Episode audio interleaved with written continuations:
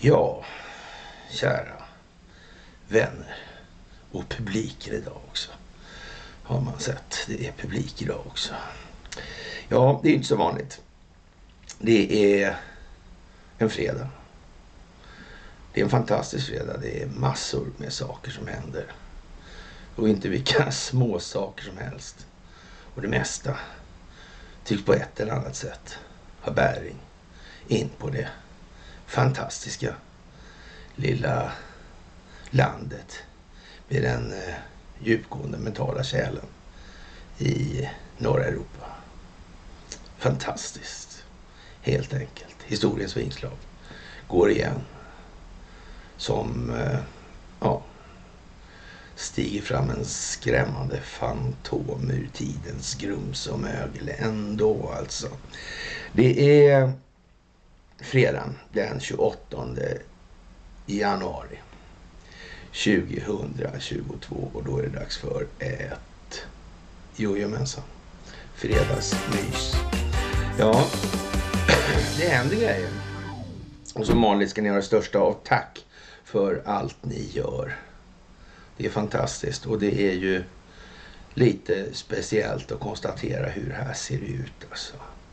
Det får man ändå säga. Stay behind. Ja, ja, det där verkar komma tillbaka också på något vis. Alltså, stay behind vad då liksom? Ja. man kan ju säga att det är i alla fall bakom det allmänna medvetandet.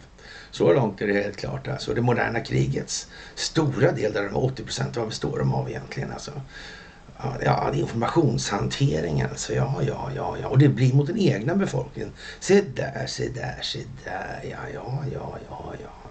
Och de där har funnits med länge, de där stay behindarna. Mm. Från andra världskriget på något vis. Alltså. De hade lite med kalla kriget att göra tror jag. Upprätthållandet av den kulissen som utgjorde det kalla kriget också. Där fanns Tede Palm och det här gänget. Ja, I grunden där fanns Olof Palme också. Mm. Ja, speciella grejer får man eh, säga helt enkelt. Och kärnkraften i Europa, energifrågan i Europa, Jennifer Granholm i Europa ropet. Maud Olofsson i ropet. De bor i Robertsfors, Robertsfors i ropet. Ja. Vem grundade Ro eller Robertsfors? Small det i Robertsfors häromdagen förresten på något märkligt mystiskt vis. Liksom på något vis. Det var både flygplan och, och, och seismologiska grejer samtidigt. Det var ju konstigt. Fast de seismologiska grejerna var väl mest i grannländerna. Så vitt det går att tolka. Verkar inte det konstigt? Är det helt självklart varför det är sådär? Ja, egentligen är det ju det, men ändå inte för många. Mm. Vem var det som grundade det där Robert Fors egentligen? Ja, jag vet inte exakt. Vem var det som finansierade Gustav den andra Adolf? Han fick en son, det har vi pratat om. Den där Jocke P. Ja. Jocke P bildar bank. Ja. När han hade skapat tillräckligt många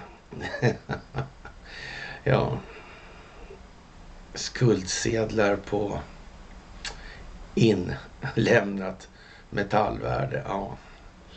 Då var det läge för taknockarna. Av det blev det intet. Ja, det blev inte det. Konstigt nog. Av banken blev det Riksestenders bank, sedermera Sveriges riksbank. Världens första centralbank. Palmstruch, konstigt namn. Vad hette han som grundade Robertsfors?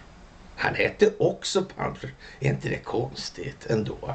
Lite sådär anekdotiskt. Det är mycket anekdotiskt i Sverige. Det är mycket anekdotiskt. Det är anekdotiskt med Louis De Geer. Det är anekdotiskt med Axel Oxenstierna. Det Axel, Axel Oxenstierna sa, det var bara en slump. Helt enkelt. Med Indien och ingenting annat. Människosynen har varit fantastisk. Helt fantastisk i det här landet. Och därför har vi fått lära oss att vi är en humanitär stormakt. Trots att vi hade gäldstugor långt in på 1800-talet. Det hade man inte på någon annan plats på hela planeten. Fantastiskt egentligen hur det här har gått till. Men vi är en fri, medveten, upplyst och självständigt tänkande befolkning. Mm. Så hårt sitter hjärntvätten. Så hårt sitter hjärntvätten. Och för att fortsätta på det här temat då hur det egentligen är beskaffat med tingens ordning i det här landet så har några förtjänstfulla människor tagit upp det här nu och tycker då på det vanliga temat det här inte Kalle Blomqvist-temat liksom, utan den här vanliga leken då, kan hitta svennen, hitta svensk även då. Och eh, små intressanta utdrag. Och finns det något Sverige inte är först och bäst i världen på till exempel? Det är ju vi den humanitära stormakten. Vi har ingen Transparency International tycker vi har ingen kons eller konspirationer. Det har vi ju inte heller naturligtvis då. Utan vi har ingen korruption och ingen konspiration. Alltså, allt är rätt bra här alltså på hela taget. Gäldstugor och slavhandel och annat till trots. Va? Man kan ju tänka sig att när det är imperialisterna i England som får tvinga svenskarna att sluta med att hålla på med slavbörs där. Va? Då, då, ja, men nej. Okej. Okay. Hur som helst, det fanns ju en donna som satt då eh, borta i Ljungaverk och höll på och spjälkade atomer för det vilda då. Och, och det här skulle ju då vara eh, så att säga, den teoretiska underbyggnaden till framtagningen av atomkraften och atomvapnet. Då. Och eh, ja, hon behövde ju det här tungvattnet. Det används fortfarande idag i olika sammanhang i de här industrierna. Men ja, hur gick det där till egentligen när de kom på det här då? Och, och det är väl inte utan att, då, att det här är ju i princip samtida då med andra sådana här eminenta eh, höjdpunkter i upptäckarhistorien då. Vi kan ju inte låta bli att tänka på den här filuren eller göken eh, Wörling där va, som knäckte ett och annat krypto. Och, och, och så. Och tog, han tog papper och penna och, och åkte till sommarstugan och satt och funderade. Så kom tillbaka med lösningen på en hel del ja, han gjorde en hel del kryptologiska genombrott där ute i sommarstugan. Det här går inte heller av för hacke om den här, med den här donnan Lise Meitner. Och den har vi faktiskt sparat på. Men det tyckte vi, tycker vi är rätt komiskt. Alltså, därför tar vi givetvis upp, upp den idag då så här. Och Meitner kom på den teoretiska förklaringen gällande fission då hon var på besök i Sverige i Kungälv då det finns ett hus där som hon vistades mycket i också. Eh, märkt faktiskt. Ja, i det sammanhanget eh, av att de var där. Ja, fantastiskt konstigt. Ja. Hos Eva von Bar enlig, eller under julen 1938 där även hennes systerson fysikern Otto R. Frisch befann sig. Frisch och Meitner var ute på en promenad i vintervädret och plötsligt slogs Meitner av en idé om vad atomklyvningen innebar. Hon satte sig ner på en avhuggen trästam tog upp papper och penna och klottrade ner den teoretiska förklaringen till fusionens förlopp. Alltså. Ja, ja.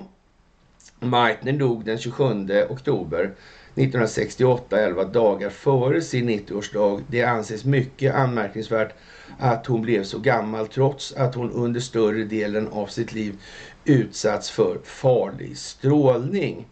Och i Sverige var Maite först verksam vid, häpnadsväckande nog, Nobelinstitutet för fysik. Därefter vid FOA och KTH där hon hade ett av atomkommittén finansierat laboratorium. Hon fick 1947 en personlig tjänst vid Stockholms högskola med en lön motsvarande en professors. Hon blev svensk medborgare 49 och deltog i uppbyggnaden av R1, den första svenska kärnreaktorn vid KTH.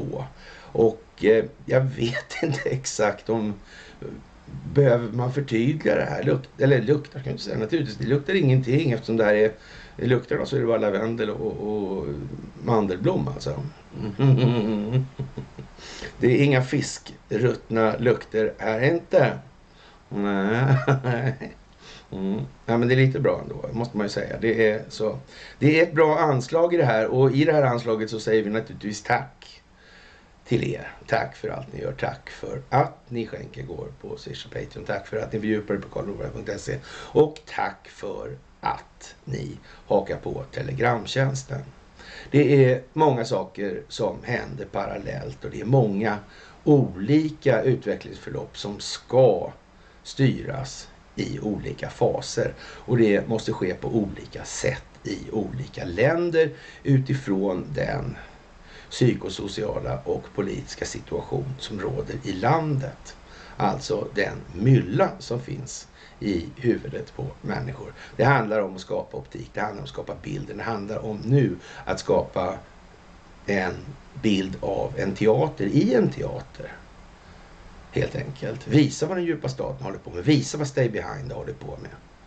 Visa vad underrättelsetjänstkollektivet har hållit på med. Visa vad det valutafinansiella systemet är för någonting som bygger på förtroende och inte på någonting annat och som rent karaktärsmässigt och mekaniskt funktionsmässigt är någonting som folk aldrig skulle gå med på existerade om de förstod vad det var för någonting.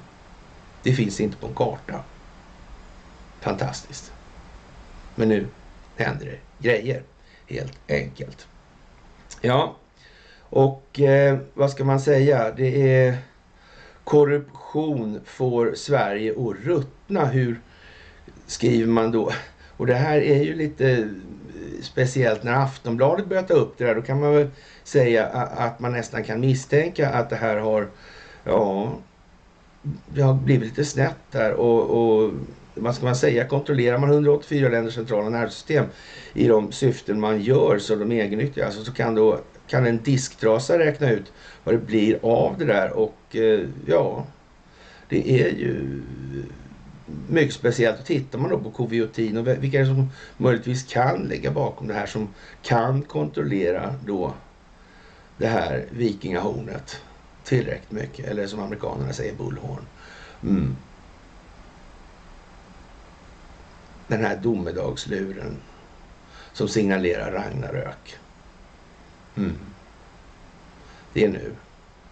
Bifrost lyser i norrsken. Eller Bifrost glimmade till för en kort stund alltså. Ja, är det kanske så här att ljuset från verkligheten börjar strömma in över landet alltså? Kan det vara så? Ja. Men all svensk korruption sker inte i Sverige. Svenska storbolag som Ericsson och Telia har dömts till sanktioner från amerikanska myndigheter och svenska banker brister i arbetet mot penningtvätt.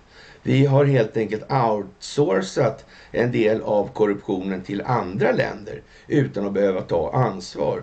Nu vet inte jag om inte vi kanske är först på hela planeten med att ha beskrivit det här som Aftonbladet nu tar upp på det sättet. Jag kan säga, jag är helt säker på det faktiskt att vi är det.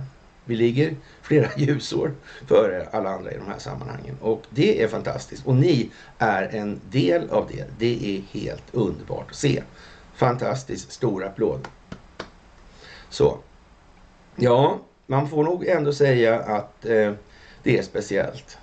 Det är mycket speciellt faktiskt. Och när vi får se sådana saker i Aftonbladet. Ja, i tidevarv som dessa. Ja, men då är det ju bara vad det är. Det kan inte vara så, så mycket annat helt enkelt. Och jag, jag vet inte. Det får Sverige att ruttna. Det må ju vara så som Aftonbladet säger i den meningen. Det är väl ingenting att diskutera om. Det får Sverige att ruttna. Det liksom, då kan vi ju köpa rakt av. Alltså, men, men vad det gör med andra länder. Det, det är väl liksom kanske inte sådär våldsamt mycket bättre alltså. Det är, och, och vi är ett av världens minst korrupta länder, säger då Transparency International. Men deras index mäter inte allt alltså. Och utvecklingen i Sverige. Men, men är det här kanske någonting som redan finns? Kanske någonting som redan har existerat? Hur kom det sig att Lise Meitner satt här egentligen? Och, och det var ju inte exakt skitlångt till den här fabriken som tillverkar det här beryktade tungvattnet i Ljungamark. Man sa att hon satt i Ljusdal. Men mm, hon behövde ju tungvatten. Var kom det ifrån då? Körde man runt hela planeten och sen hit kanske? Det tog man aldrig ifrån. Ja. Och, och, det var, och det där laboratoriet hon, hon, inte satt i, det som höll på med membran till förgasare till flygplansmotorer som sprängdes i luften och inte en sten var det kvar sen. Och, och som dessutom inte hade fört några anteckningar på all sin forskning under hela tiden för det var så bråttom och komma fram till resultaten. så där kanske va? Eh, lite, eller då. Ja, men man tycker ju ändå man borde... Så, nej, men nej. Nej, nej. ja, och, och vad skrev Expressen? Den 7 augusti 1945. Flyende judinna snuvade Adolf Hitler på jordens största kraft. Ja. Det gällde ju att flagga upp då. Det gjorde det. Mm. Och Japan hade man funnits i sedan länge. Mm. Det är märkligt vad man har tycks ha kontrollerat båda sidor av ekvationen hela tiden. Det tycks ha varit som man hela tiden har verkat bakom linjer. Man har verkat lite stay behind, som man så vackert säger. Mm. Lite stay behind, ja. Bakom, bortom. Så kan det vara, ja. Mm. Jaha. Det är ju någonting alldeles in i helvete speciellt får man ju säga så här. Och, ja, för många personifieras bilden av den svenska vänskapskorruptionen av högerstyret i Region Stockholm. När då våran den här prima, eller ja, prima primadonnan eller då, då Irene Svenonius satte stopp för granskningen av upphandlingarna för Nya Karolinska och det sedan visar sig att hennes make samtidigt var upphandlingschef på sjukhuset. Eller när Filippa, Filippa Reinfeldt var regionråd och privatiserade så mycket av sjukvården hon kunde för att sedan börja jobba hos Aleris. Och ja, vi har ju tagit det där och det kanske är så att Filippa Reinfeldt är, är den som har de tunga kontakterna inom namnet Reinfeldt i de här sammanhangen. Hon kommer ju någonstans ifrån och det är väl Täby antar jag då vi närmast tänker på. Var inte någon, hennes pappa någon form av militär? Till och med nå, ja, någonstans vid Korea var han väl i någon sväng också. Han har alldeles säkert så kunde han stava till Stay Behind i alla fall. Det kan vi vara alldeles säkra på. Om inte annat hade han en och annan kurskamrat som faktiskt kunde det ordentligt. Det är alldeles, alldeles, alldeles säkert. Ja, och så vidare. Och det är ju inte bara i Robertsfors det går igen så att säga. Så kan man ju säga. Och eh, Sveriges senaste handlingsplan mot korruption gör varken till eller från efter de saknar konkreta åtgärder, säger Ulrik Åshuvud, styrelseordförande i Transparency International till Dagens Nyheter. Han varnar för ökad korruption i både privat och offentlig sektor och det där är helt fel alltså. Helt fel. Den ökningen som kan ske, den är marginell. De har utnyttjat det här så mycket de har kunnat, alldeles säkert. Och vad den här åsnehuvud då egentligen säger, det är ju det att eh, ni måste ställa frågan om varför ingen har slagit larm om det här tidigare.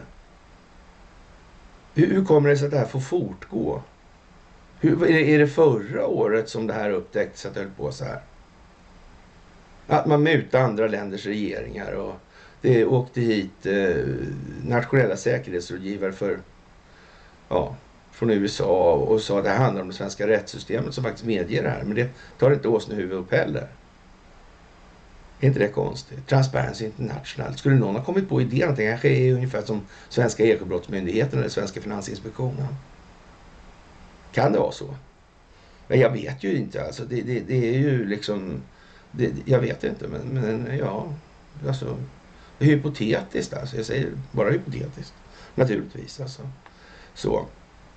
Jaha, och eh, vad ska vi säga?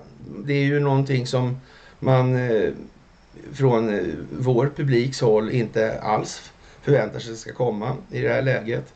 Det är ju helt enkelt eh, för bra för att kunna vara sant. Nej, det är det ju inte.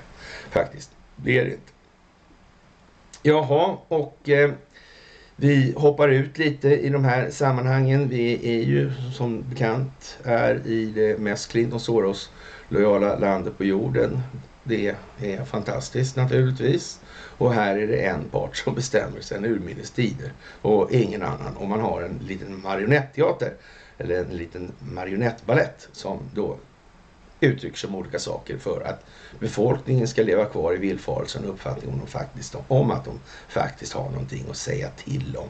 Så är emellertid inte fallet. Och vi minns ju då för länge, länge sedan när då det var i ropet att George Soros hade skickat brev till Hillary Clinton, eller mejl till Hillary Clinton och sagt att han, hon kanske skulle skicka Carl Bildt till Albanien så det blivit oroligt där. Va?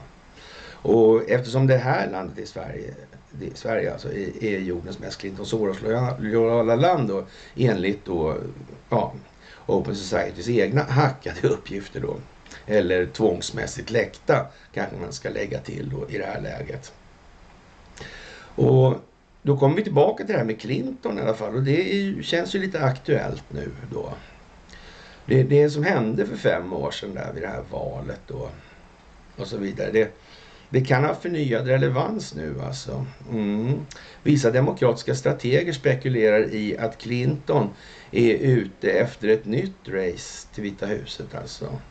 Mm. När vicepresident Kamala Harris popularitet avtar och hennes chans att bli den första kvinnliga presidenten halkar efter så säger de att Clinton kanske kan se en öppning. Mm. Det handlar om optiken. Det handlar om att visa att det här är teatern om teatern. Mm. Hur är det egentligen med det där Sassman-fönstret? Jag tror vi har nämnt det en gång. En halv gång i alla fall. Mm. Det leder vidare hela tiden, det gör det ju. Vad innebär det då för något egentligen? Kan det betyda att ja, det kommer saker längs vägen? Hur är det med Sassman förresten? Han kämpar emot hårt. Mm. Skulle han ha något att vinna på något annat? Mm. Ja, han, han ligger ju i, i, så att säga, det intervallet för straffpåföljder så att eh, ja, han kan nog nästan tjäna på han, han, går, kan få nästan gå på plus om man berättar vad han vet istället. Ja, ja, det är ju lite sådär passade. Ja, faktiskt. Bra att tänka på nu alltså. Och eh, ja, det är mycket som kommer längs den vägen, det är alldeles säkert. Och eh, ja, skapandet av eh, en konstgjord sol då, alltså ja, självbevarande energi då. Och nu har man kommit fram till att man kan skapa plasma då efter nukleär fusion, inte den som Meitner kom på, det var fission det alltså. Det här är fusion, det är kärnslammansammanslagningar alltså. Mm, de vätebomber, men man kan inte kontrollera det så att säga, i, i rent effekt. Den skenar liksom till, till det slut då så att säga. Mm. Men eh, ja, kan det vara så att det här är, är teknologi som i någon mening har varit känd sedan tidigare kanske. Jag menar, hur fan ska man kunna tro på det där med Börling och kryptologin? Det är ju trots allt så att det finns ju massor med dokumentation och, och där säger man ju rakt ut bara så här att äh, det där är inte sant helt enkelt. Det är bara skitsnack mot svenskarna. Så där är det inte. Det går inte att göra så. Det är gjort för att inte... Alltså, nej. Det finns inte en plan. Att det kunde göras av svenskarna berodde naturligtvis att vi förfogade över kodnycklar och allting och till och med all teknologi redan innan i det, i det fallet. Och vem vet? Vem vet med Lise Meitner och den här avhuggna stocken hon satte sig på när hon var ute och gick med ja, systersonen Frisch där. Hade hon svaret redan eller? Kan det vara så? Men vilka jävla fulingar. Mhm. Mm ja, ja. Det var ju tur att ingen gav det där till Adolf Hitler då. då. Utan gav det till... Ja, vad konstigt. Det blir ser bra konstigt ut här nu va. Och sen det där komiska med den här familjen Rosenberg. Det är ju tragiskt alltså, det är absolut så alltså. Som försåg Sovjetunionen med atomvapnet. För att det kalla kriget skulle kunna uppstå. Ja. I ljuset av vilka det var som låg bakom den ryska revolutionen från början. Det är det här. Och det kalla kriget tog fart 1953. När Josef Stalin just hade dött. Nej. Och han var helt schizofren mot avlyssning. Samtidigt som tsaren vart glad för sina ja, Ebenholtstelefoner med guldinläggningar. Mm. Inne eller före den ryska revolutionen. Men vadå? Det kan ju bli så bara. Som av en slump. Om man får tid, som eh, Karl Gerhard skrev. Om det slumpar sig. Om man får tid. Väl värt att lyssna på. Gör det. Mm. Trevligt. Jaha. Regeringens godkännande av slutförvaret eh, ja, av använt kärnbränsle är det näst sämsta i modern politisk historia. Det säger Peter Sakalos, eh, korruptionsforskare vid KTH till Sveriges Radio Eko. Det sämsta anser han vara att man stängde ner de fungerande kärnkraftverken. Och, och som sagt, vi har inte kommit till riktigt sista steget i den här slutspurten än. Vi har en bit kvar. Det har vi och det handlar om att tillräckligt många ska förstå tillräckligt mycket. Vad är det som spelar roll egentligen? Jo, det är individens utveckling. Det är individens utveckling som gör samhällets utveckling möjlig. Det är förutsättningen, ingenting annat. Och där får vi faktiskt, eh, ja, i någon mån se vår egen roll. Vad kan jag bidra med för att hjälpa till i det här? Ja, till exempel ledning till upplysning till vidare ledning och upplysning. Det är en bra grej. Det är en bra grej. Om man har någonting att säga tycker man man ska säga det. Det är inget bra att eh, hålla käften. Var svensk är värdelöst. Det leder oss dit vi nu har hamnat. Och det var ingen lyckad grej helt enkelt. Ja, och det är väl lite tragiskt nog att det vi tror oss vara bra på är det vi är sämst på och tvärtom då. Och eh, som sagt, är, vi har ju länge sagt då att det är bara svenska grisar som röstar för införandet av en andra julafton. Och, och det kan man ju tycka är, är lite schysst av dem då solidariskt. Men, men lite dumt ändå kanske. Och idag eller igår så förbjuder EU antibiotikaanvändning på friska djur som i många länder görs rutinmässigt för att kompensera för dålig djurhållning. Det rapporterar Sveriges Radio Ekot där och eh, äntligen skärps antibiotikareglerna i både EU och för de produkter vi importerar till EU säger EU-parlamentarikern Ebba Wiesner se. Och eh, ja, enligt eh, Kristina eh, Greco, expert på Statens veterinärmedicinska anstalt används antibiotika ofta för att det är billigare än att förbättra hygienen i dagens förhållanden. Och man, man kan väl säga så här också, vad, vad, vad säger läkemedelsindustrin om det här? Alltså antibiotikaresistens är ju ett eh, ja, det är ju ett imperativt säljargument kan man säga. Det gör ju att eh, då måste man ju ha någonting annat.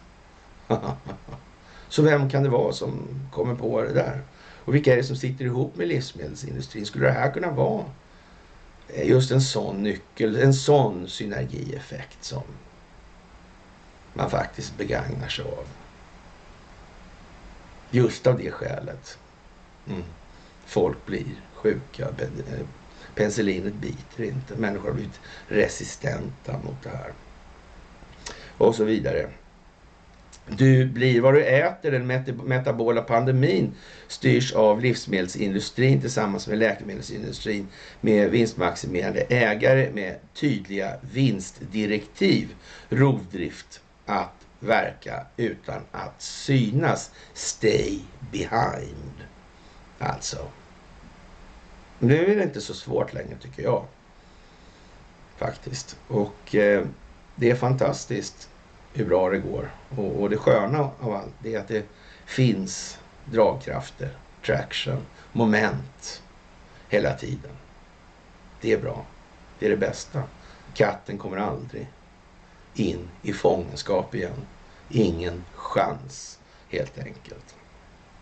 Ja, det var lite om svinerier då skulle man kunna säga. Och eh, på tal om svinerier så tvingas alltså Pfizer offentliggöra dokument om allvarliga biverkningar. Och det här är ju kan man säga lite halvsekt för deras vidkommande. Och någon så att säga efterverkan eller några påföljder kommer naturligtvis som en konsekvens av allt det här. Det, det är ju liksom ingen diskussion om. Det är helt säkert. Och frågan är väl då om det här mörda, mörderiet och, och hur allvarligt det här är egentligen. Vet man det? Det vet man ju inte. Nej. Men några grejer är nog säkert inte så bra i alla fall. Så kan det ju vara. Men att eh, ge sig på liksom vad det här är för någonting innan det finns utrett i saklig grund. Det verkar lida lite av risken för att bli någon form av partsinlaga, subjektiv över vad som kan antas vara lämpligt alltså. Mm. Ja, det är bra att tänka på tror jag i de här dagarna och tiderna. Jaha. Mm. Softbank då är en bank och sådana plägar vara vad banker är då. då. Och eh, det är i Japan det där andra axelmax-stället höll jag på att säga. Men där, den här lilla killen med mustasch och han den här lilla flintskalliga killen ifrån Italien där hängde ihop med japanerna. Mm. Vilka som var den bakomliggande strukturella kraften i det här, Det kanske inte till axelmakterna. makterna, det kanske vi inte behöver förtydliga. Liksom. Men vem var det som satt på telekom, telekominfrastrukturen då när den här lilla flintskalliga killen kom till makten? Vem var det då? Ja, det var samma gäng där i alla fall som ägde aktier i moderbolaget IG Farben i alla fall, så mycket helt säkert. Och, och, och det är ju också samma gäng som delar ut Serafimerordnar till Hirohito-familjen, alltså kejsarfamiljen i Japan. Och, och, och, ja, det är Japan, det land där de hade den första västerländska diplomaten med ett namn som hette Wallenberg. Ja. Och det var det här Ostasiato som de hade startat här innan precis också. Mm. när det här avtalet kom sen med Kina så var så ja, förlängning på opiumavtalet skulle man kunna säga. Man lite taskig. Mm. Ja, ja. Men det hänger säkert inte ihop. Det skulle jag inte tro. Nej, för då hade jävlar någon sagt någonting. Jaha. SBAB säger räkna med dubbelt så höga boräntor. Och eh, som alla förstår, vad är problemet i dagens läge? Och det är den ackumulerade räntekostnaden i samhället. Som en lösning på det problemet. Mm. Som alltså beror på att den realvärdeskapande tillväxten alltså. Den ja, riktiga ekonomin, om vi ska kalla den produktiva ekonomin. Ja. Tillväxten den förmår inte möta kraven från den finansiella belastningstillväxten. Alltså räntekostnaderna ökar snabbare än vad en ändlig planet förmår producera i form av realvärdeförändring. Alltså produktiv nytta. Då. Mm. Det är ju jävligt konstigt alltså. Att de tänker att de höjer belastningen så minskar den. Hur tänker de där egentligen? Och, och framförallt fattar vi inte liksom riktigt vad det beror på att de inte har gjort det hit. Varför vill de alltså inte tjäna pengar? De, ah, nu vet jag. Det är samhällsnytta som driver de här instanserna. Så är det naturligtvis. Det är inte enskild nyttomaximering. Ah, vi har misstagit oss. Ja, ja, ja, ja, ja. Det är bara att i deras andra små grenar som de säljer vapen som till diktaturer och, och sådär håller på på det viset. Det gör, det är helt andra, andra grejer alltså. Okej, okay. ja, men det kan vara så, det kan vara så. Naturligtvis, annars skulle ju någon ha sagt något. Ja, jaha, och eh, ja, Greta är lite tyst kanske i det här. Det är ju lite anmärkningsvärt just nu och eh, ja. Och Ja, vad ska vi säga egentligen? Det är ju mycket som slår in, som vi har sagt, och det gläder inte alla helt enkelt. Det är många som verkar mest intresserade av att få makt själva. De är inte så intresserade av det här med upplysning egentligen. De vill ha makt och inflytande. Vad de nu ska göra med den. Fantastiskt. Jag föreslog för länge sedan att alla som satt i sina förtroendeställningar skulle sättas under personlig konkurs. Under förvaltning alltså. Ja.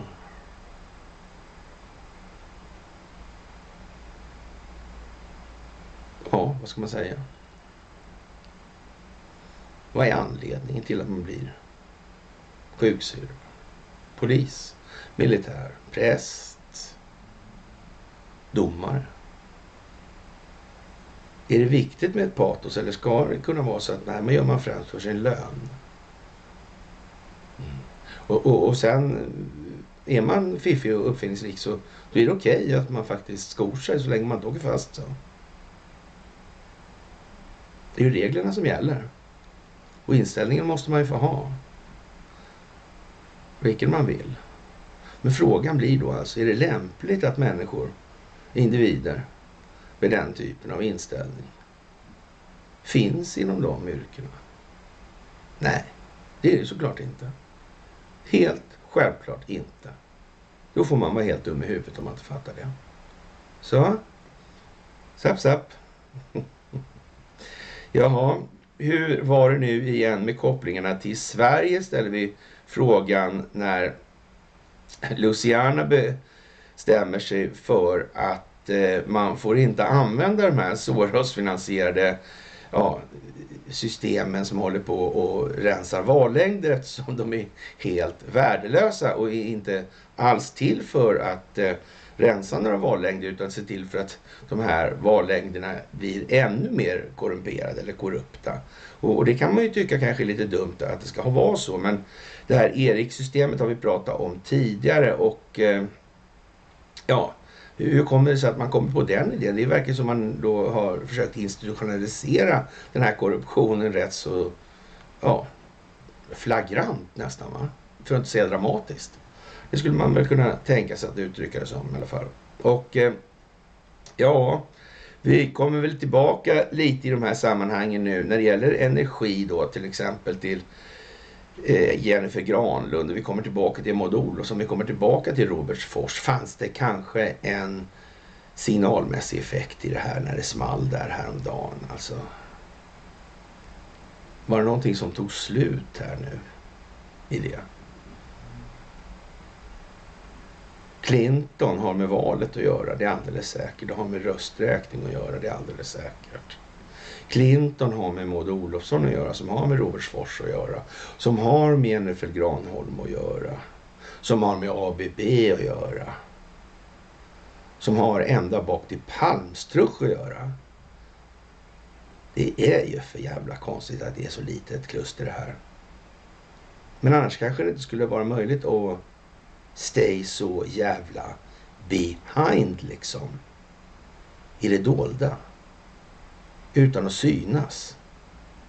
Kunna verka för de enskilda vinstmaximeringsintressenas skull. Är det inte konstigt? Är det inte märkligt? Är det inte fantastiskt? Vilken ironi. Här sitter vi, vi som tror. Vi är de bästa på jorden. Planetens moraliska föredöme. Alla är avundsjuka på vår livsstil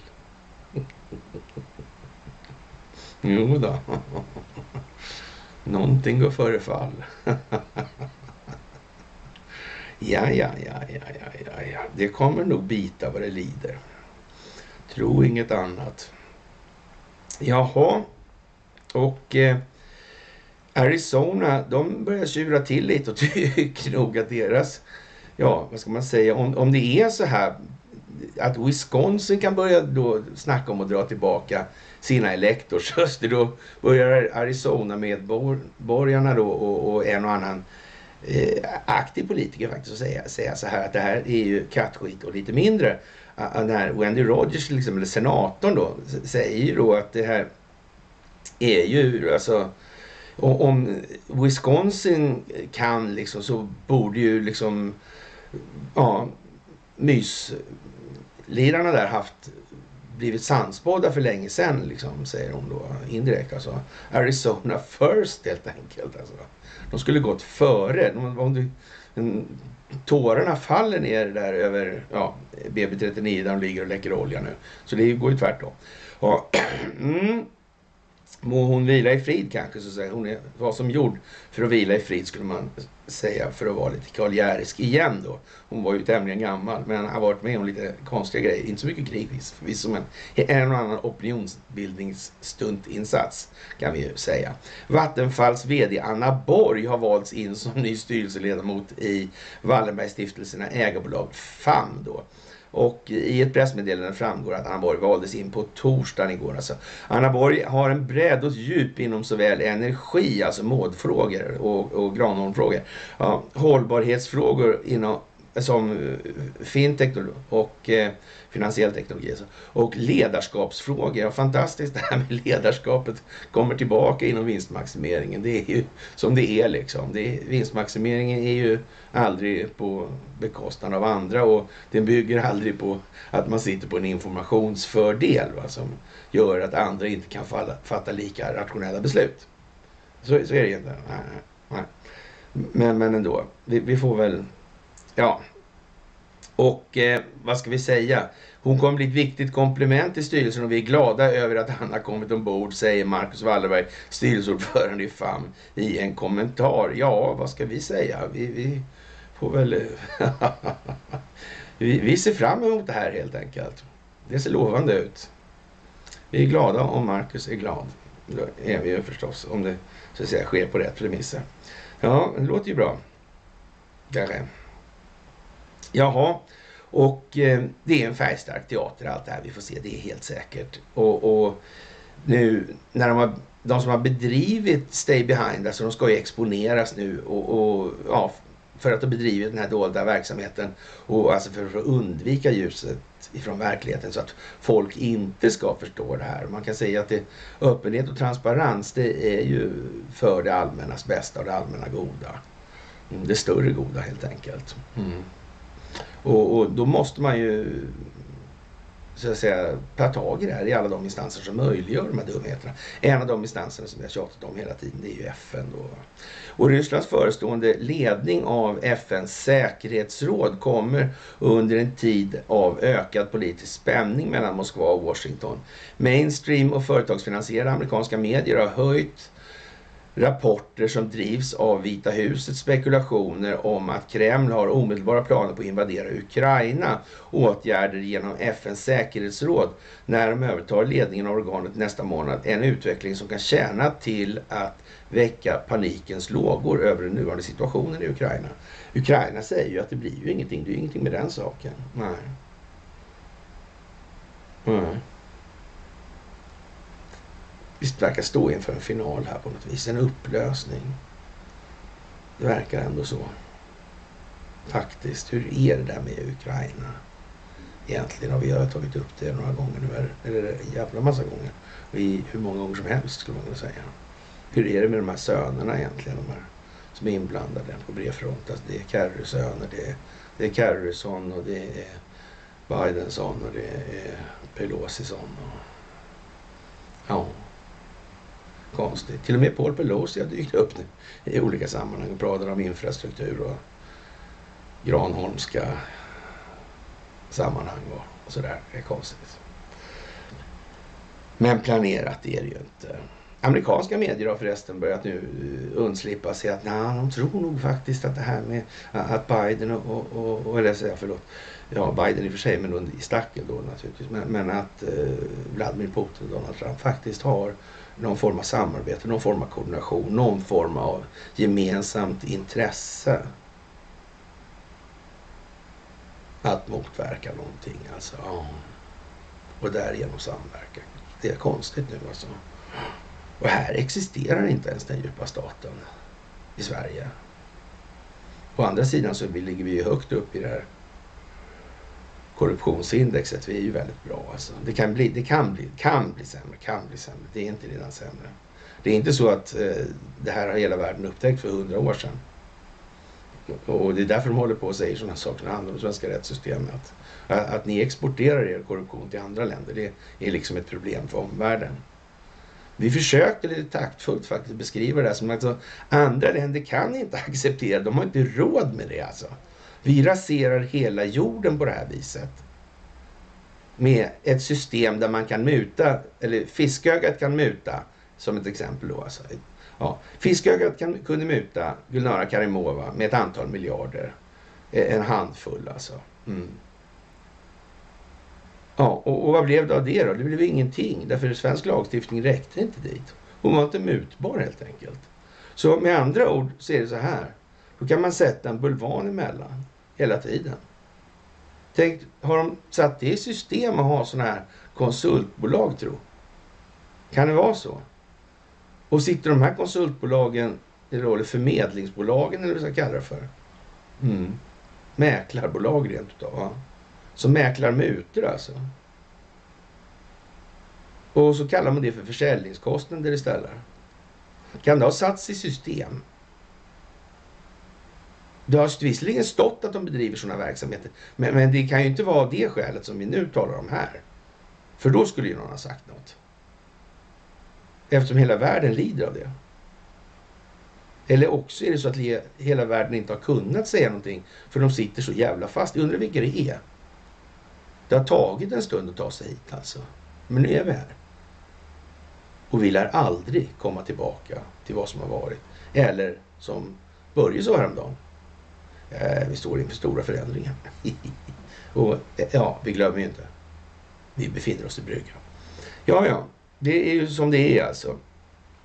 Och eh, Ryssland tar över ordförandeskapet i säkerhetsrådet.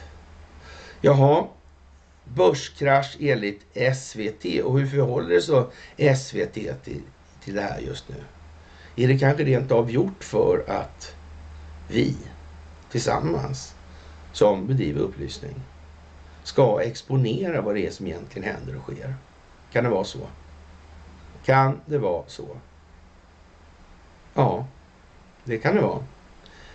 När de här väldigt famösa, aktade människorna från de upphöjda institutionerna uttrycker sig. Om man särskådar dem. Vad upptäcker man då? En, ett problem i det här som är väldigt viktigt faktiskt, det är det här med neuromuskulär intelligens, eller neuromuskulärt medvetande. Medvetandet är ju ganska viktigt. Sådär. Man kan, det kan förstå, alla förstå. Liksom. Har, har man en muskulär medvetenhet, man har jättemycket kontroll på sina muskler och känslor i samband med muskler och såna här grejer. Då, då är ju det liksom en ytterligare en dimension på det här. Och eh, man kan säga så här att om man har blivit tillräckligt insnöad på det där så börjar man mäta folk egentligen, hur de rör sig och hur leder har roterat och, och var sitter olika stelheter i olika muskler. Det formar den här fysionomin man ser, den här bilden man ser framför sig. Så kan man läsa det här och till slut blir ju det någonting som bara kommer direkt då. Så man, man, man ser liksom vad det är som har, man kan nästan läsa hela livet och på det där direkt så. Det, man kan läsa oerhört mycket mer än vad folk i allmänhet har klart för sig möjligt. Jättesäkert är det på det viset. Och, eller helt garanterat hugger i sten är det på det viset faktiskt. Och eh, när man tittar då på sådana här människor då som ska stå och, och prata ekonomi och, och, så vidare. Hur de... Det, det är ju bara beklagligt att säga så där att Nej men nej, nej, nej liksom. Det är en lögnare liksom. Det är en lögnare. Och, och, och, så, och visst, och då har man bara tagit själva okulärbesiktningen av den då så att säga. Och sen kan man ju ta då, ja, texten då i uttrycket och spjälka ner.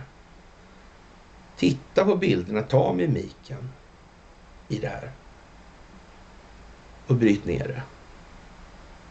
Det är helt omöjligt att inte se och förstå vad det här är för någonting. Helt omöjligt. De människorna tror inte ens på vad de säger. De är patologiska lögner av det enkla skälet att de är egennyttigt eh, drivna av egennytta.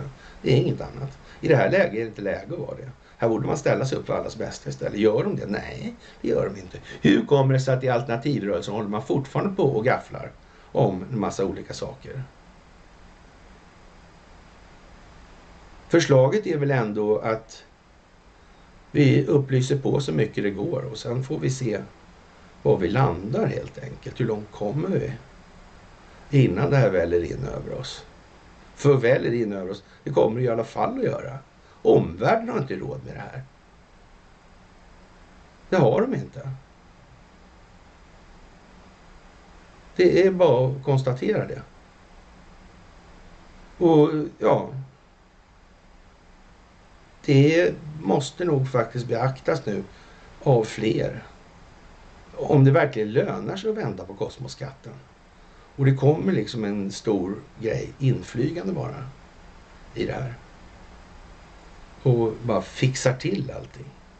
Vi behöver inte ta något ansvar själva. Vi har ingen roll i det här. Det bara blir ändå.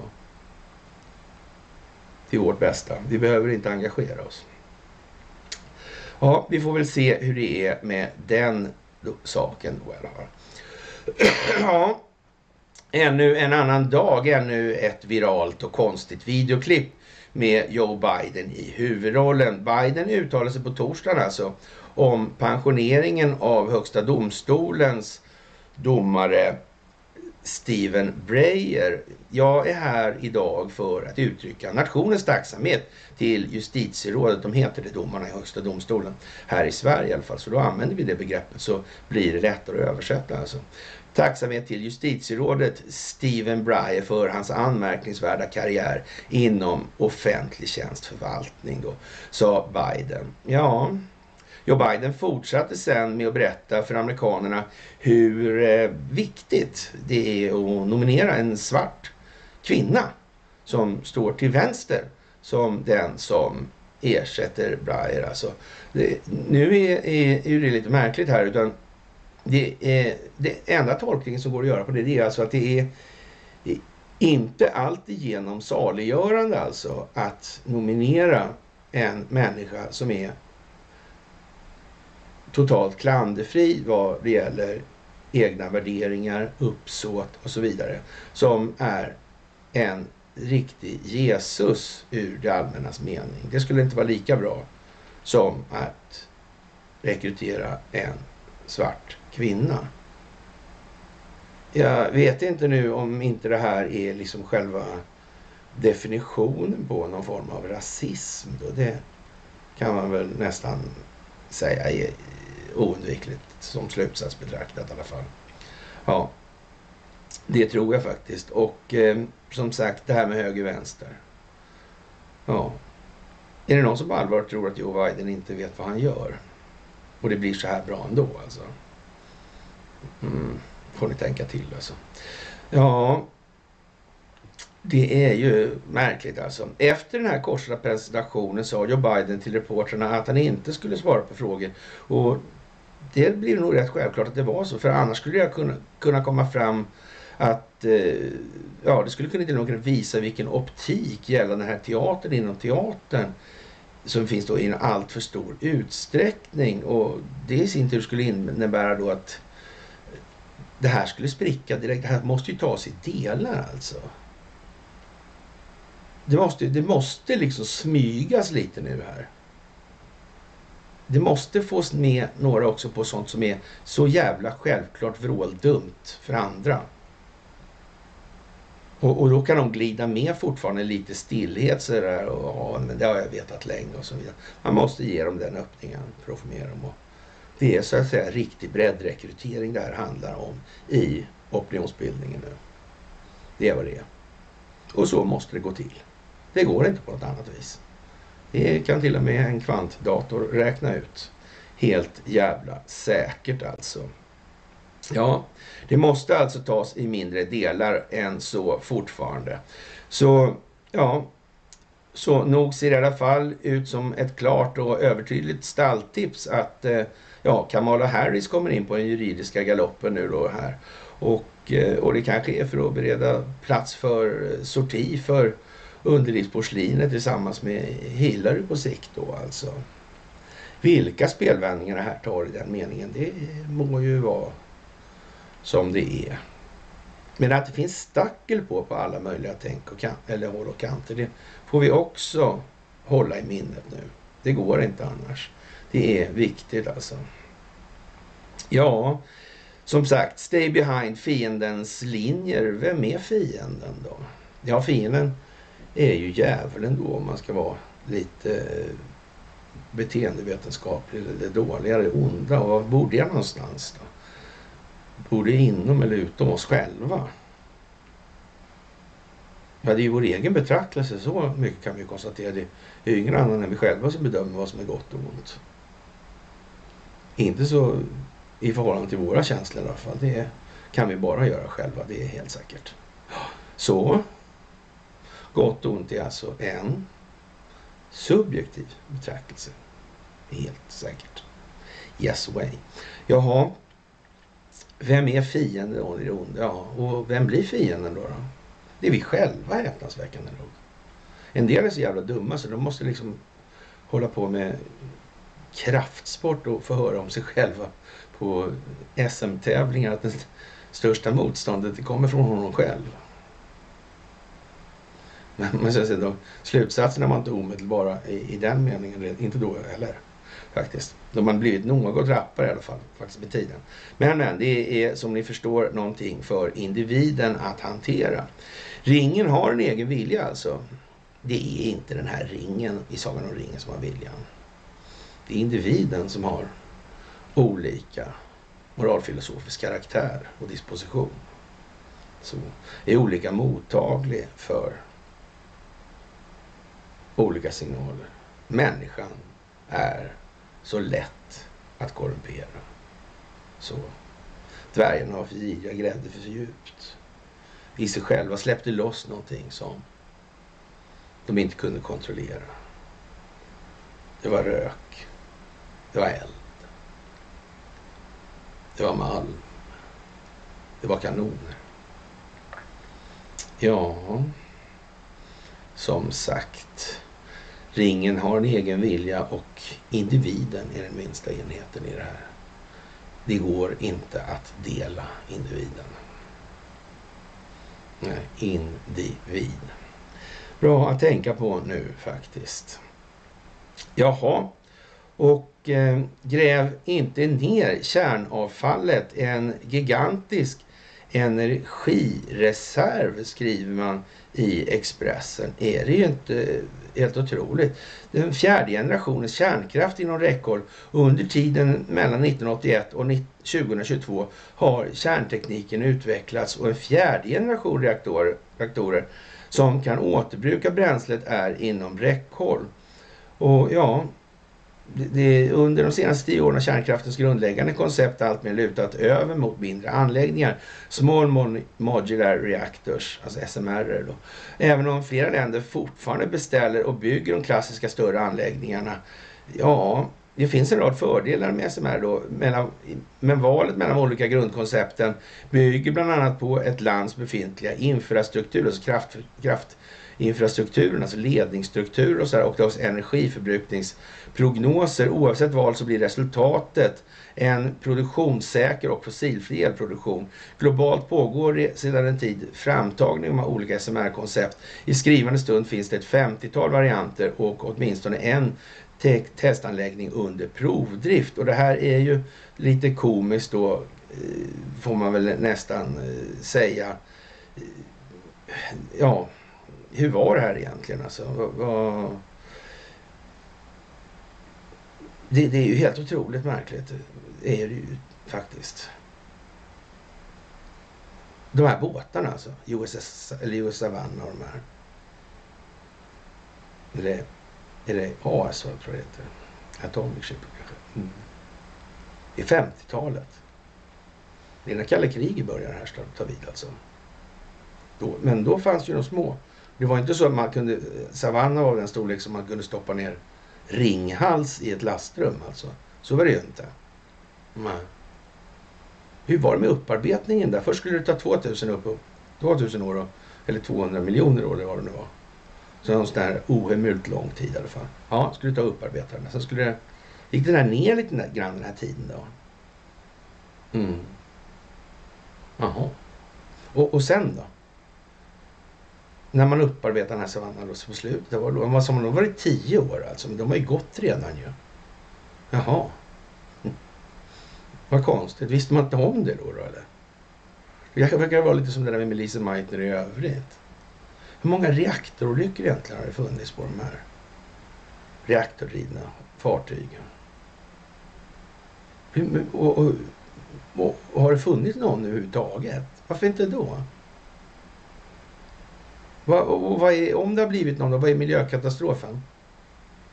Vad tog den vägen någonstans? Varför blev det ingen sån? Hur kommer det sig ens Ja, det kan man fan fundera på. Och eh, ja, som sagt, vi har ju en... Eh,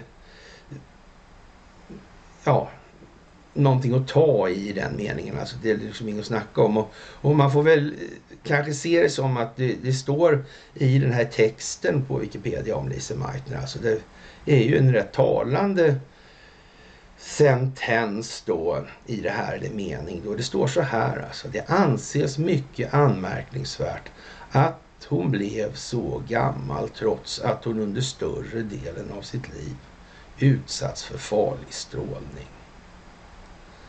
Ja...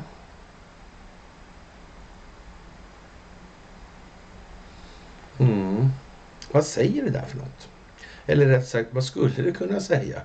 rätt ut sagt. Och ja, och det här mörkret då som den här ringen med giriga viljan då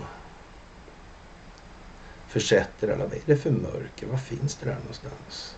Man skulle nästan kunna misstänka att det handlar om den individuella omedvetenheten. Ignoransen. Högmodet. Stoltheten. Mm. Det står där i en instruktionsbok. Man bara kört den baklänges. Så är det ju naturligtvis. Ja, det är ju speciellt trots allt. Det får man nog säga.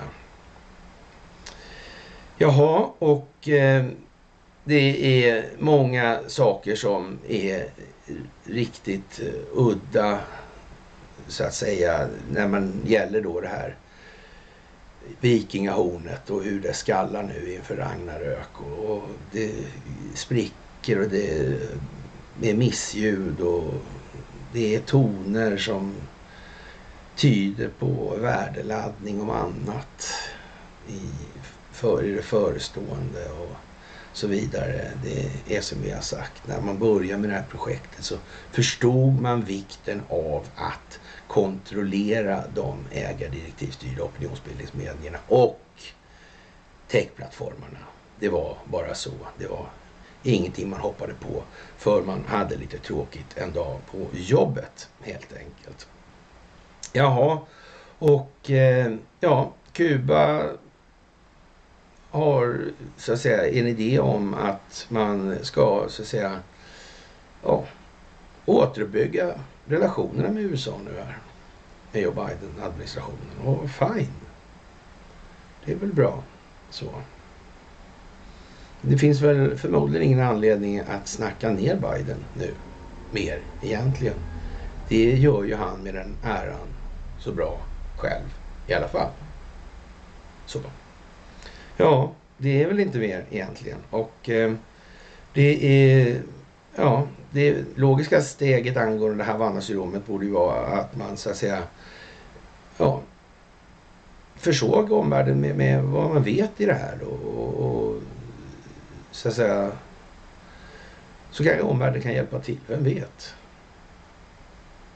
Det skulle ju kunna vara så att djävulen bor i detaljerna. Djävulen bor i individen. I individens självbetraktelse, i individens relation till de egna känslogrundade värderingarna. Det skulle kunna vara så alltså. Jag säger inte att det måste vara så. Eller så gör jag det. ja, ja, men ni, ni hajar, hajar det liksom. Sådär. Ja, men då då. Så. Jaha, det är lite som det är helt enkelt. Och eh, ryska konspirationsteorier om att det är väst som försöker tussa ihop dem och Ukraina som lite motvikt till de västliga konspirationsteorierna som säger att Ryssland föredrar att invadera Ukraina med militär framför att skruva på gaskranar för att få som de vill. Ja, vad ska vi säga? RT har en artikel och Eh, krig mellan ryssar och ukrainare är oacceptabelt enligt Moskva och det tror väl fan det. Därför att eh, den här skillnaden man nu anses, anser sig göra gällande här, den är ju faktiskt konstruerad. Historien i det här är mycket gammal faktiskt och det är mycket gemensamma delar i de här känslogrundande värderingarna. Det är helt jävla säkert. Ja, det är toppen. Faktiskt. Och det här kommer att bli bra, inget snack. Och eh, ja, vad ska vi säga?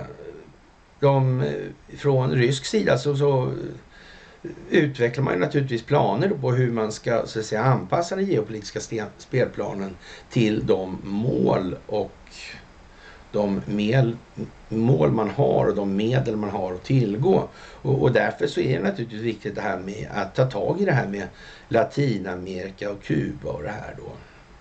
Mm. Det är det minsta man kan göra. När man har varit då konstruerad motpol under hur länge som helst, eller hur lång tid som helst. Då är det ju väldigt bra att ta tag i den delen, det är alldeles säkert. Eller som vi brukar säga, helt jävla säkert är det så. Och det gör man nu alltså. Och eh, man går ut och säger i mera klara ordalag vad det här egentligen handlar om. Jaha, och ja, vi... Eh, vad ska vi säga? När, när man är olika medier går ut och säger covid-erans penning eller monetära eller penningskapande, alltså skapande av betalningsmedel, kommer att leda till ekonomisk kollaps då. Och, och jag vet inte. Det, är det, eh, nej, jag tror den ackumulerade räntekostnaden är vad som är problemet. Är det någon som inte ser det som problemet? Får de väl förklara det då. Alltså, det är inte kostnaderna för lånen som är problemet. Nej. Mm, då, måste de, då måste de förklara vad det är som är problemet. Mm. Och, och, jag vet inte, det går inte att göra så mycket mer komplicerat. Liksom. Det, det, det, allting annat det är ju dimridåer, det är sirentoner. Alltså sirener var såna här i Iliaden och Odysséen, alltså som förledande skönsång. Va? Och det, det är sådana som vi ser då, sirener, som vi ser på tv då, som talar om en massa saker som har ingen som helst jävla bäring Dumjävel, håll käften liksom. Och åtminstone försök skaffa ett kroppsspråk som inte gör att man omedelbart ser, ser vad är det för typ av figur, vilken typ av moral, varför han inte gör som här eller hon inte gör så. Alltså, det går ju att läsa hur mycket som helst liksom. Det har maskats här och det har föredragits där. Punkt. Det ser man direkt på uppenbarelsen. Och sen får du mimik ovanpå det också. Och inte nog med det. Sen kommer det en massa ord också. Det är en triss liksom. Ja, men då så. Det, det, det, ja, då är det vad det är helt enkelt. Ja, det är ju lite sådär uh, halvdeprimerande skulle man väl kunna säga. Att det ska behöva gå så här. Men det är viktigt och det måste bli så helt enkelt. Ja. Vår elmarknad där enskilda vinstmaximeringsintressen kan sätta vilka priser de vill. Det är alltså ett vapen för Putin i dagens läge om, eh, ja, man kan ju tycka så i Sverige men, men man borde inte kunna tycka så. Man måste ha lite mer andlig resning och spänst i det här. Det, det, måste man faktiskt ha. Om samhället inte kontrollerar sin egen elförsörjning och om inte själva syftet med den här elförsörjningen är för medborgarnas bästa, då är det fan inte någon yttre makt som är problemet alltså. Det är lite grann samma sak här då. Det är bara en översättning eller en förlängning, en ytterligare effekt, en ytterligare yttring på det vi just sa om det här med de här lökarna som står och sjunger sirensång på Aktuellt och Rapport. Eller i Morgonsoffer. Det där duger inte. Det, det, det, alltså, och, och vad är den här mediaträningen de håller på med egentligen? Ja, vänta, vad kan det vara liksom?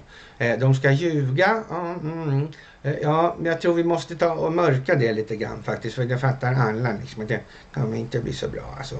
Nej, det kommer inte bli så bra då. Nej. Om alla fattar att de ljuger från början. Vi måste träna bort chauserna. Vi måste träna bort ovanorna. Eller de måste göra det. För att det här ska bli trovärdigt. Annars inte alls trovärdigt. Men för någon som ser det där. Då är det ju fortfarande ändå bara löjeväckande och skrattretande. Det är ju helt idiotiskt liksom.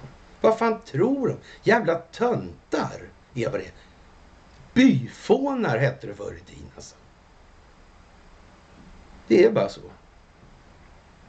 Jaha, att konsekvenserna av att inte ha den här kontrollen då eh, kan utnyttjas för att sätta tryck på landet. Ja, det kan väl en idiot räkna ut då. Men eh, det är inte grundproblemet som sagt i det här. Det är ett och samma. Det är vad det är. Jaha. Och vad ska vi säga om eh, Stevie Levy då, eller säga, men eh, Stefan Löfven. Han eh, ger löfte till förintelsens överlevare en livsuppgift. Ja, han kanske inte tänker sig bli så gammal. Jag vet inte hur han eh, menar här egentligen. Det kan ju bli lite sådär farsartat när han öppnar käften.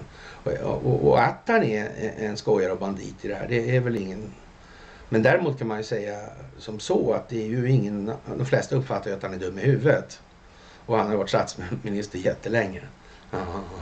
Och han har fått som han ville och ingen annan har fått som de vill då. Bland de här som tycker han är dum i huvudet. Mm. Men det är han som är dum i huvudet. Shame on me alltså. Mm. Fool me once. Mm. Det är som sagt högmod det bygger på det här fallet som kommer och ingenting annat. Jaha, och eh, vi, ja, vad ska man säga? Men eh, mm, kritiken mot kärnkraftsbeslutet alltså. Förhastat och osäkert och ja, jag vet inte. Jag vet inte. Man måste hålla takten också. Det får inte gå för fort. Det handlar om optiken alltså. Det är, människor måste se den, måste uppleva den, de måste få den känslan själva. Det går inte att förklara för dem, för då hade det här varit klart för länge sedan. De har inte de intellektuella prestanda som krävs för att hantera det här rent mentalt på det sättet. Alltså det måste till känsla i det här för att få traction, alltså momentum. Moment, dragkraft i det. Det går inte med bara kall logik i den meningen. Så är det. Därför måste man göra som man gör. Och ja, man skulle kunna säga att det här är ju lite uppenbart och det är meningen att det ska bli mer än bara lite uppenbart och det är meningen att det här ska förändras. Det är väl hela saken kanske. Och Sverige håller sig naturligtvis till andra viktiga saker som att vi ska ja, sända amerikansk Eurovision. Och det är möjligt att det finns cheeseburgare utan ost. Mm. Ungefär som att det finns vegetariska hamburgare. Mm. Ja, ja, ni förstår själva ungefär var det här hamnar någonstans. Jaha, och eh, ja, trudelutten han är rädd för lastbilarna nu för tiden och det är ja, det går inte helt enkelt att, göra mer ironi och sarkasm av det här. Det är som det är nu bara. Det är helt enkelt så. Mm. Och eh, någonstans måste man återigen tänka på det här med bankerna alltså. Centralbankerna. Stockholmsbyråkratin. Stockholmssyndromet. Stockholmsskolan i nationalekonomi. Mm. Verka utan att synas. Stay behind. Det moderna krigets beståndsdelar, informationshanteringen, telekominfrastrukturen, ekonomin, betalningsinfrastrukturen inom telekominfrastrukturen, kontosystem, säkerhetssystemen inom telekominfrastrukturen, transmissionen, ledningarna. Mm. Den kinetiska militära verksamhet som skulle utgöra teater. Mm. Ja. Det är mycket nu och mycket som kommer att komma upp. Ja, och eh, det här med LO till exempel och Stefan Löfven och Metall och Socialdemokraterna. Mm. Konstigt. Det är som det sitter ihop alltihopa. Och nu ser det ut som någon har riggat det här för exponering. För att skapa en optik som är som ett fyrverkeri i färger, tankar och känslor. Som kommer ruska om våra känslogrundande värderingar i sina grundvalar. Hm. Lustigt. Så passande i tiden, trots allt. Ja, vad händer då om de här kvantumdatorerna kommer in i det här på ett mer öppet sätt? Det blir ju oerhört svårt det här med koder och allt sånt. Det kommer att bli krångligt. När en typ av datakraft ska försvara sig eller skydda sig mot någonting som är fullkomligt överlägset ur alla perspektiv. Det är ju lite speciellt trots allt. Mm.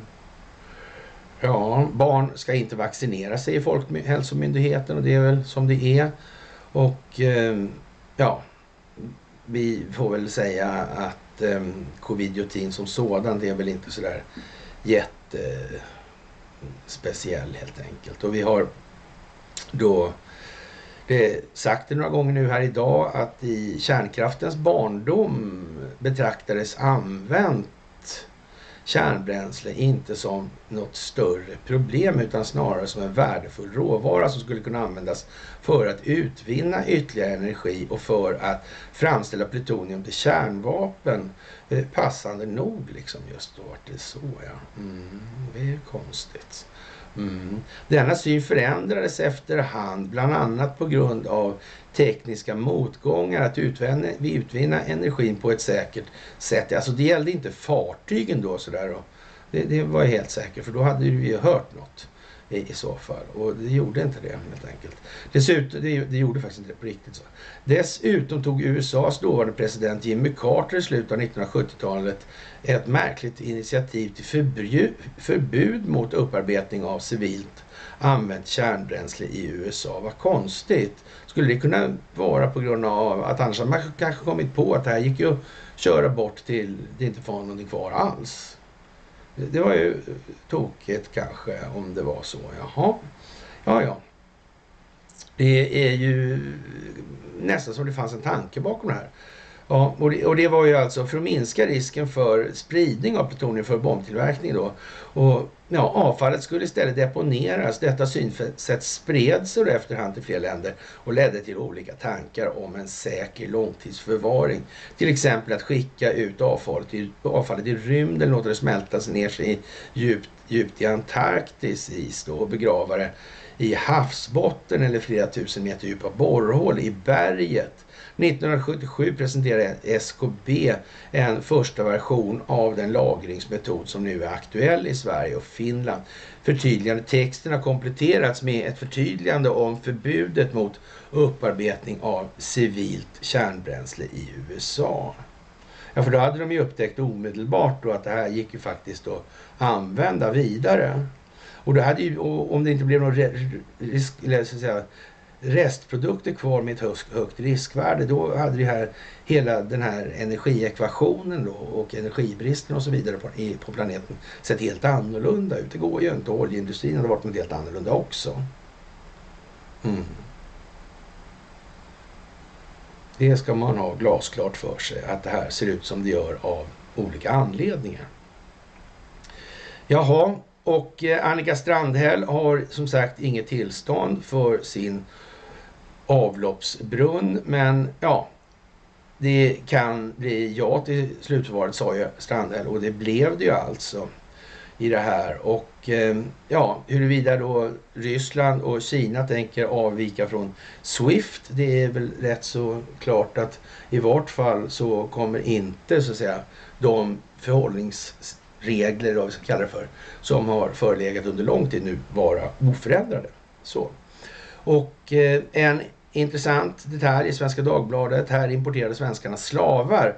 Och, och ja, det är liksom, som sagt, det talas inte riktigt. Det står ju på andra ställen att det var en slavmarknadsplats alltså. Man hade upprättat där. Och frågan är när man gjorde vad här. Hur kom det här sig?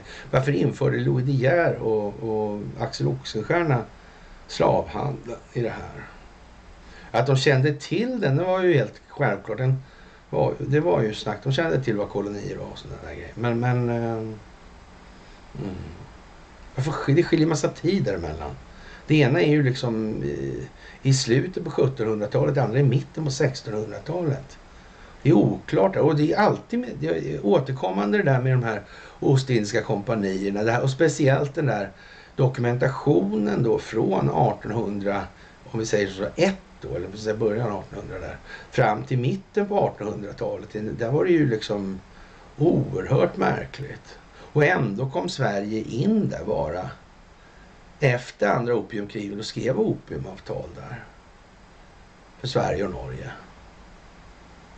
Var inte det konstigt? Hur gick det där till egentligen? Är verkligen allt redovisat där? Tricky Dick Harrison som är en sån signalmegafon höll jag på att säga när det gäller han, sin personliga hållning i den delen. I, i, ja, man, man, kan, den kan man läsa eh, mer tydligt än andra då kan vi uttrycka det som i alla fall. Och ja, eh, oavsett om han ägnar sig själv åt bedrägeri kommer han inte undan. Liksom. Det, det, är bara så. så. Det här är, han är konsekvensen av sitt liv. Så är det. Och en del av de sakerna går faktiskt att se okulärt. Alltså så. så det, ja. Och det här med den här situationen då med, med Sankt Bartolomé. Vad är det för någonting? Och det var ju ett svineri utan dess lika alltså. Det, var, det speglade ju en syn som svenskar hade som den var ju liksom... Ja. Och om man tänker, vi hade gällstugor också samtidigt som det här. Men, men vi tror på något vis att makten tog hänsyn till befolkningen i en större utsträckning än som, än som, eller, än som bara var nödvändigt för att det inte skulle ställa till, ställas till revolt eller anställas revolt. Aha. Ja men vad bra då i så fall. Vi kan väl säga det så länge i vart fall.